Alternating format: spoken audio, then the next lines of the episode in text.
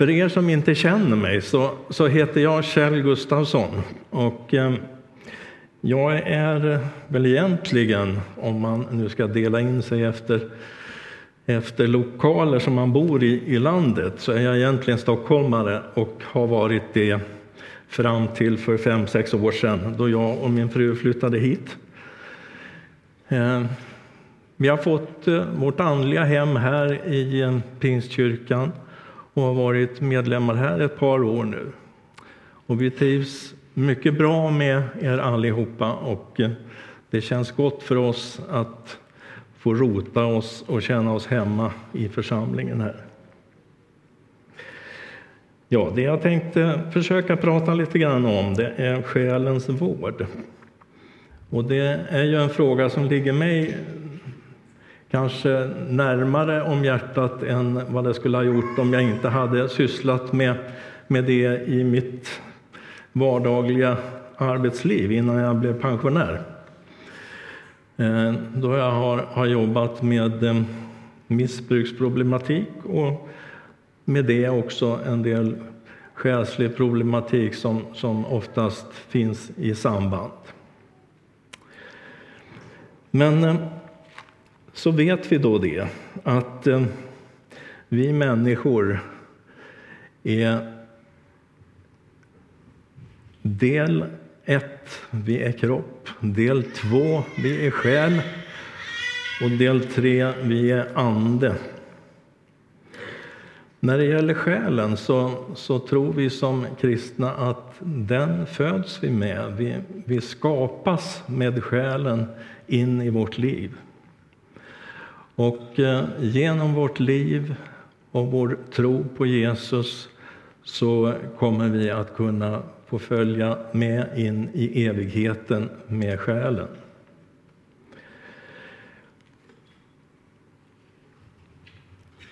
Hur vår själ mår är någonting som, som ju tilldrar sig stort intresse för oss i många sammanhang. Men eh, jag tänkte jag skulle börja med att läsa här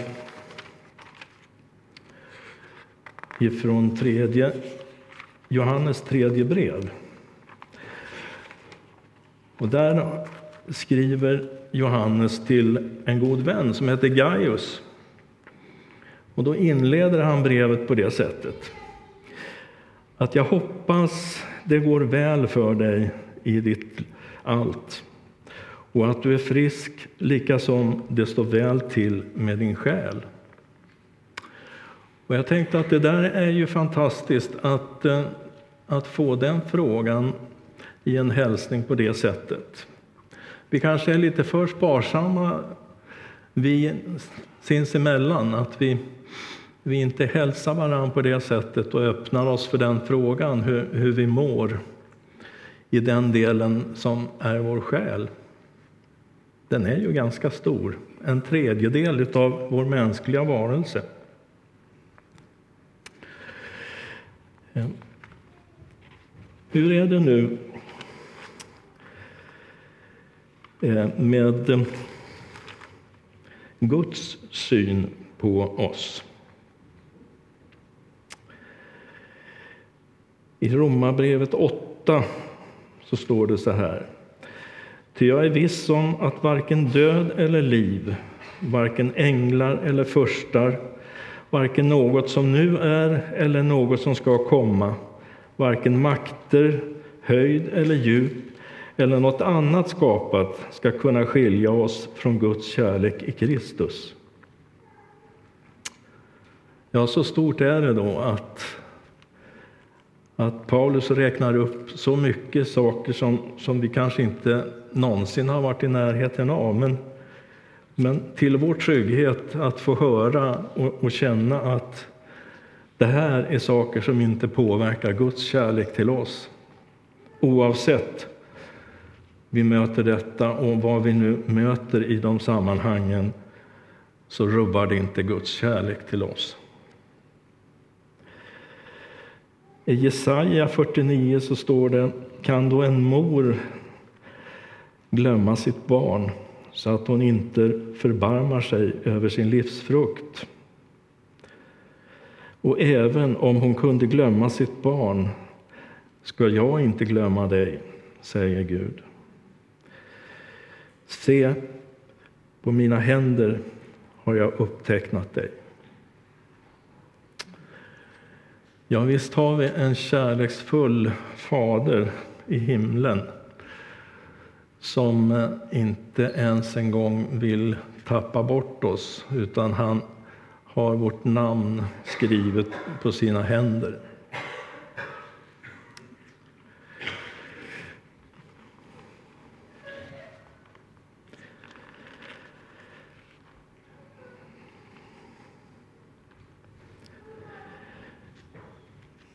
När vi tänker på själavård så brukar vi väl ofta tänka på att det är någonting som, som vi tar till eller som vi söker upp när, när det är något särskilt i vårt liv som, som har rört till sig. Något som eh, vi känner att det här går över min förmåga. Men eh, jag tror ju att i själavård finns en förebyggande del också. Eh, vi, vi, talar ju väldigt ofta om förebyggande hälsa när vi, vi, vi pratar om kroppen.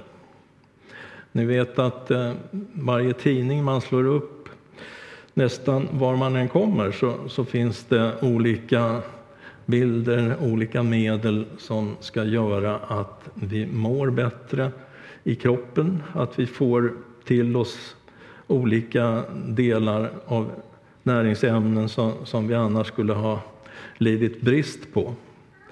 Att vi, vi skulle undvika det som eh, har fått gifter genom eh, födans tillredelse.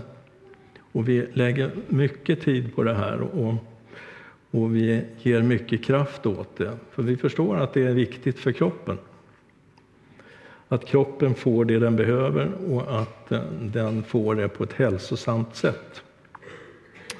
Och jag tänkte att jag ville överföra det här lite grann på, på själen. Eh, vad vi behöver för vår själ för att eh, den ska få vara frisk och för att den ska få vara positiv. Ja, eh, för en kristen så, så, så, blir det ju en del saker som, som dyker upp. Vi, vi, vet ju och har hört det, vi som har varit med i kyrkan sedan barnsben har ju hört detta att, att hålla sig nära till Gud, att, att be sin aftonbön, att, att läsa i Bibeln, att, att få ta del av Guds ord är så viktigt. Och sen kommer vi in i vårt vardagsliv och då är det kanske lätt att tappa bort det där. Tappa bort att, eh, att läsa Bibeln, att eh, ta vara på det vi har i bönen. Jag vet inte hur det är för dig, men, men jag märker att det, det är, lätt, är lätt hänt att det får bli så här. Om man inte Lika medvetet som man tänker på kroppens hälsa, tänker på själens. Och då får man som bestämma sig lite grann för det där, att jag ska tänka på själen. Eh, när vi läser i Bibeln så, så är ju den så skriven att den ger uttryck för vem Gud är och vad Gud vill med våra liv. Så vi kan nog hitta svar på de flesta av de frågor som, som vi möter i livet. Bara vi har den här uthålligheten att vi söker tills vi hittar det. Och eh, inte alltid ska vi väl söka ensamma heller, utan jag tror att vi har en stor hjälp av varandra, vi i församlingen och alla trossyskon överlag att, att vi kan i gemenskapen med varandra, om vi har förmånen att få, få vara med i en hemgrupp, en bönegrupp, att vi där kan, kan dela bibelläsningen och bönen med varandra. Och detta blir någonting som får förkovra oss så att vi, vi får växa vidare till mogna kristna.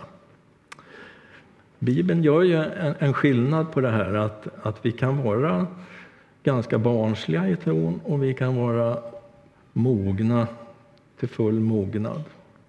Så vi har ju en resa att göra här, vare sig vi är, är fem år eller om vi är...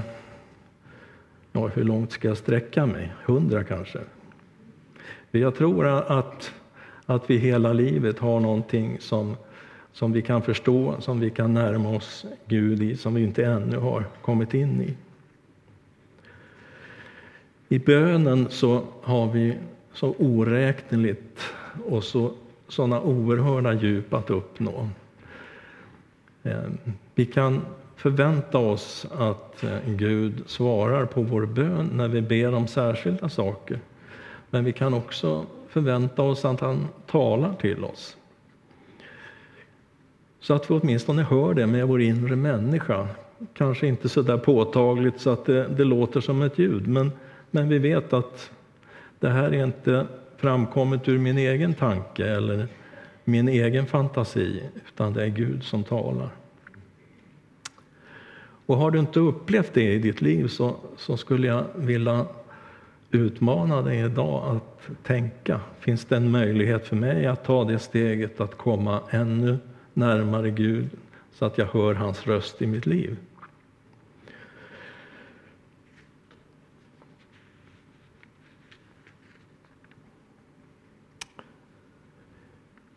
Jag tänkte jag skulle läsa en hel rad med bibelord nu.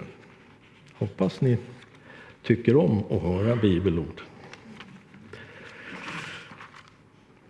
Och det kommer att vara ord från Saltaren eh, som talar om, om Guds syn på själen och på oss som själsmänniskor. I Saltaren 19 så står det Herrens undervisning är fullkomlig, den ger själen nytt liv. I Saltaren 23 så står det han väderkvicker min själ. Han leder mig på rätta vägar för sitt namns skull. I Psaltaren 31 står det. Jag vill jubla och vara glad över din nåd. Du, du ser till mitt lidande. Du tar vård om min själ, min själ i nöden. I Psaltaren 34 min själ ska berömma sig av Herren. De ödmjuka ska höra det och glädja sig. Saltaren 41. Jag säger, Herre, var mig nådig. Bota min själ, ty jag har syndat mot dig. Saltaren 42. Som hjorten längtar efter vattenbäckar så längtar min själ efter dig, o Gud. I Psaltaren 55. Han friköper min själ och ger den frid. Och Psaltaren 62. Endast hos Gud söker min själ sin ro. Från honom kommer min frälsning.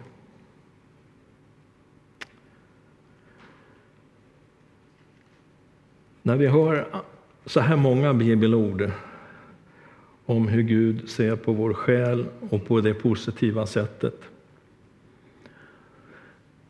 så får vi låta oss fyllas av den tillförsikten att det här gäller allra högsta grad mig själv också. Att det här är vad Gud vill uppnå i kontakten med mig.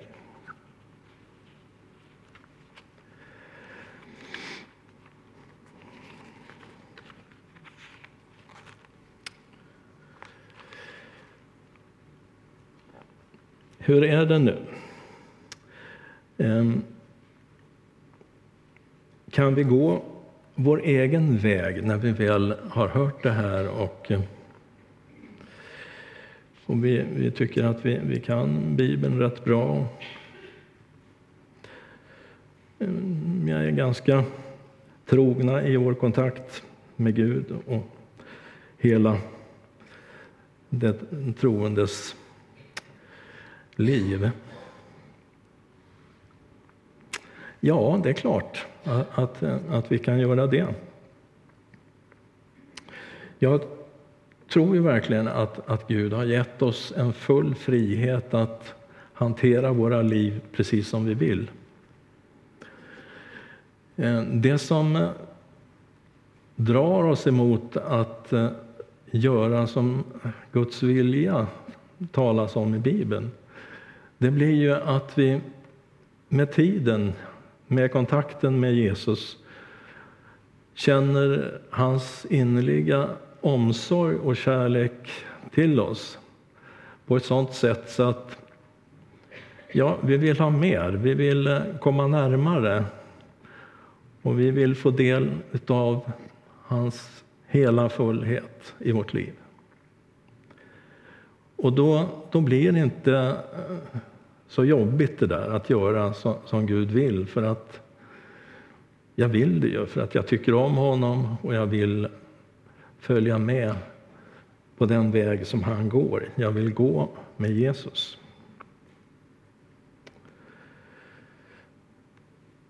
Um.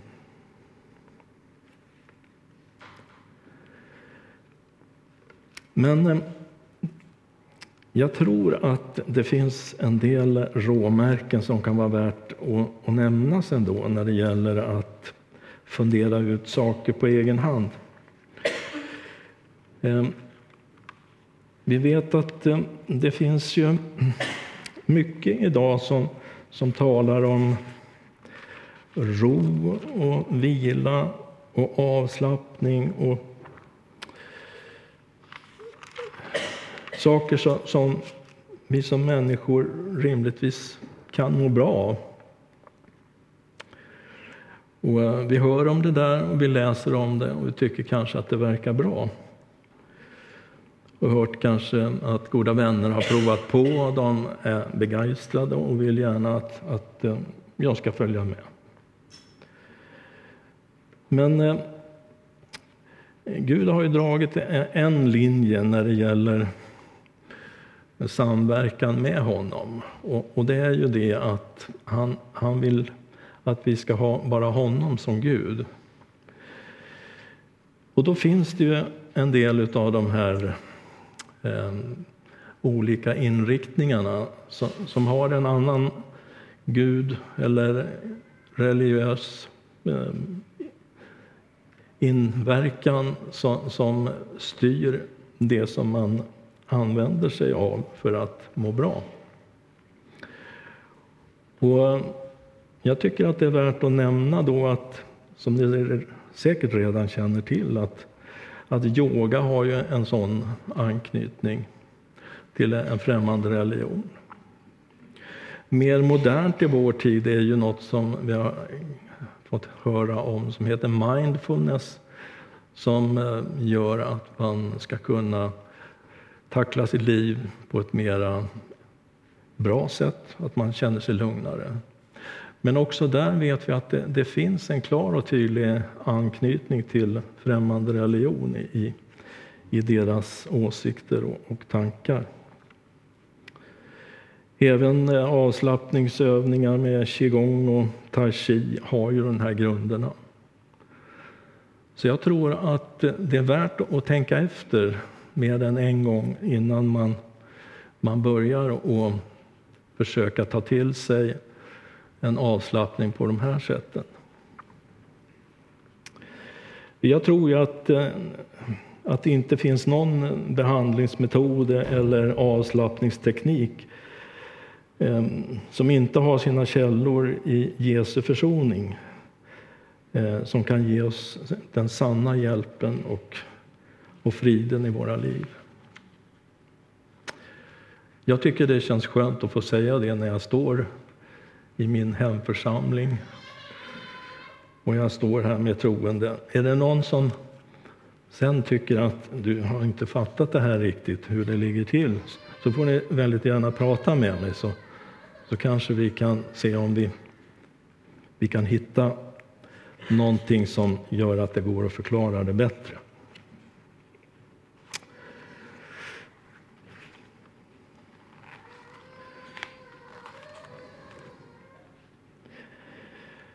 Kanske ni undrar, jaha, nu har han stängt de där vägarna. Men eh, eh, hur är det med medicin då? Ska man som kristen ta medicin om man behöver?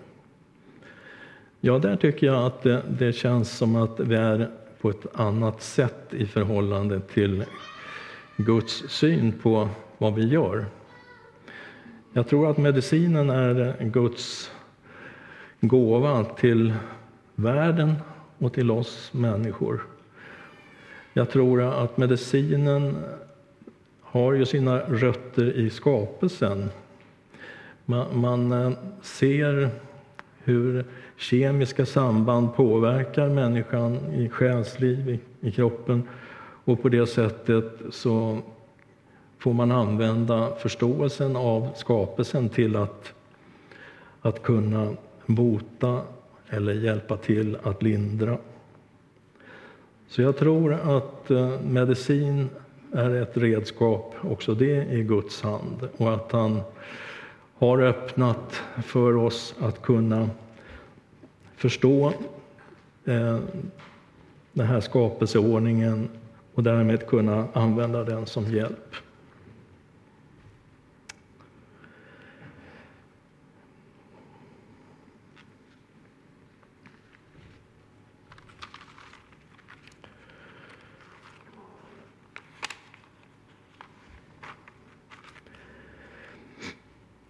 Jag har ett bibelord ifrån Johannes 13 som jag har fastnat för. Det handlar om det här stället när Jesus tvättar lärjungarnas fötter. Och då står det så här, att när han kom till Simon Petrus hade, sa, sade denne till honom, ska du tvätta mina fötter? Jesus svarade, vad jag gör förstår du inte nu, men längre fram ska du förstå det. Petrus sa, aldrig någonsin ska du tvätta mina fötter. Och Jesus svarade, om jag inte tvättar dig har du ingen del i mig. Simon Petrus sa, Herre, inte bara mina fötter utan också mina händer och mitt huvud. Men Jesus svarade, den som har badat behöver sen bara tvätta fötterna. Han är helt och hållet ren. Och Det jag tycker är så fantastiskt det är detta att eh,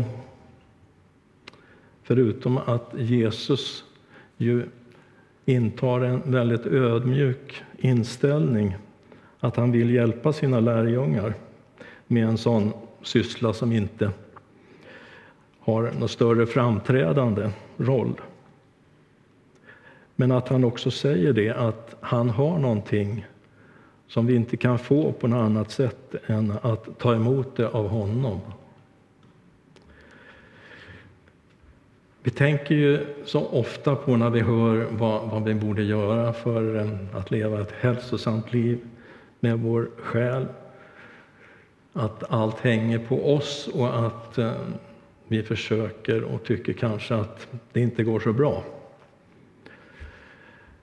Men här säger Jesus att eh, det är någonting han gör för oss som är helt ofrånkomligt viktigt och som det inte går att tacka nej till om vi vill ha del med honom.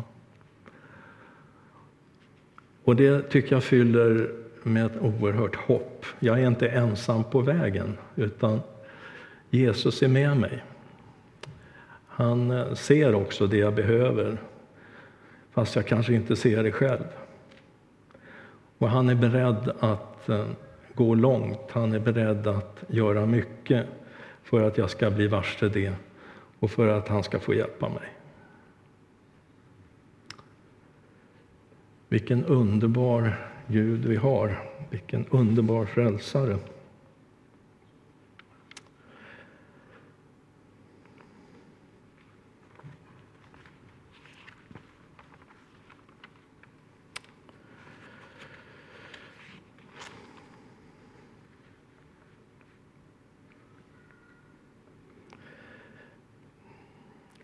Ehm, när jag höll på och förberedde eh, det här så, så dök det upp för mig att eh,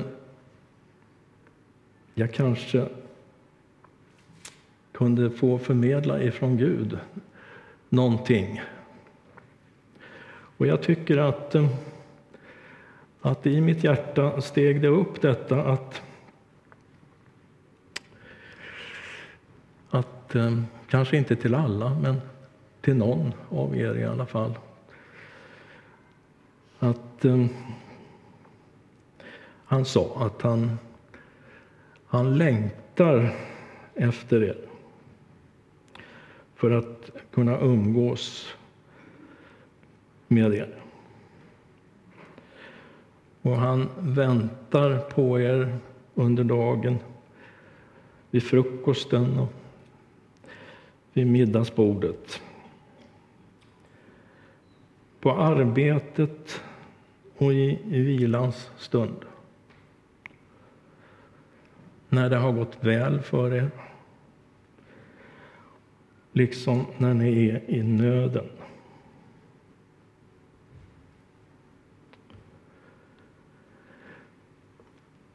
Så tror jag vår Herre ville hälsa idag.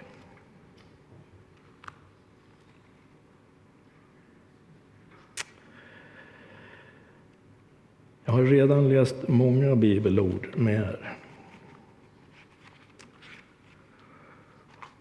Och jag skulle vilja fortsätta lite till, om det är okej. Okay. Säg ja. det är bra. Då är det från Andra Korinthierbrevet, första kapitlet. Välsignad är vår Herre Jesu Kristi Gud och Fader, barmhärtighetens Fader och all trösts Gud. Han som tröstar oss i all vår nöd, så att vi kan trösta dem som vi eh, trösta dem som i nöd som är i nöd med den tröst vi själva får. Ty så som Kristus lidanden flödar över oss, så överflödar genom Kristus också den tröst som vi får. Om vi lider nöd sker det för att ni ska få tröst och frälsning. Om vi blir tröstade ska också det uppmuntra er och ge er kraft att uthålligt bära samma lidanden som vi. Och det hopp vi har när det gäller er är fast. Eftersom ni vet att liksom ni delar våra lidanden så delar ni också den tröst vi får. Och det var Paulus innerliga glädje över att också församlingen skulle få del av det som han själv fick del av.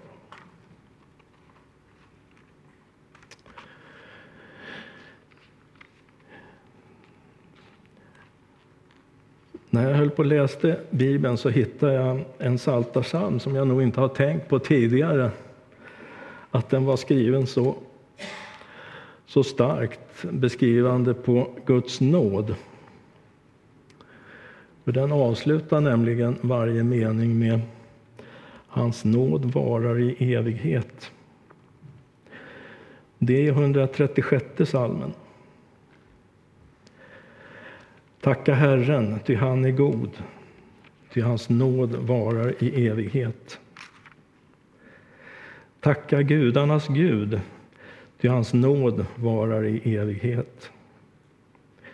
Tacka herrarnas Herre, ty hans nåd varar i evighet.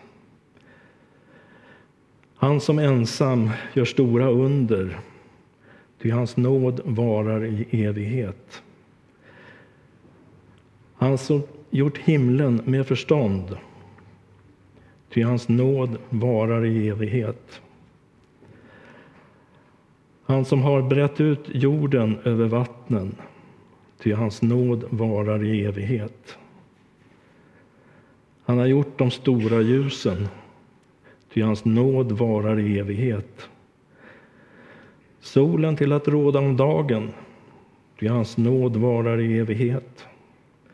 Månen och stjärnorna till att råda om natten, ty hans nåd varar i evighet.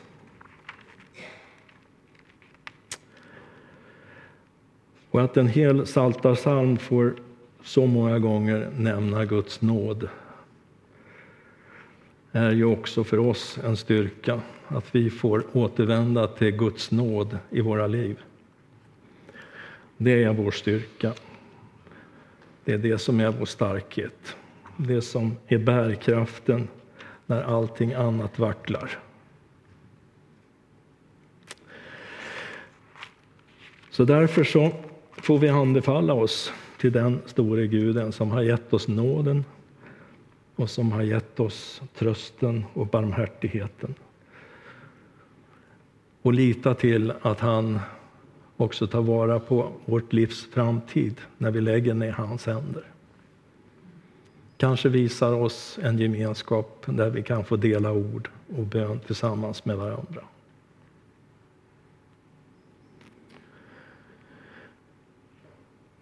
Så tänkte jag bara att jag avslutar och ber en bön och sen fortsätter vi med den förbönsmöjlighet som vi har här.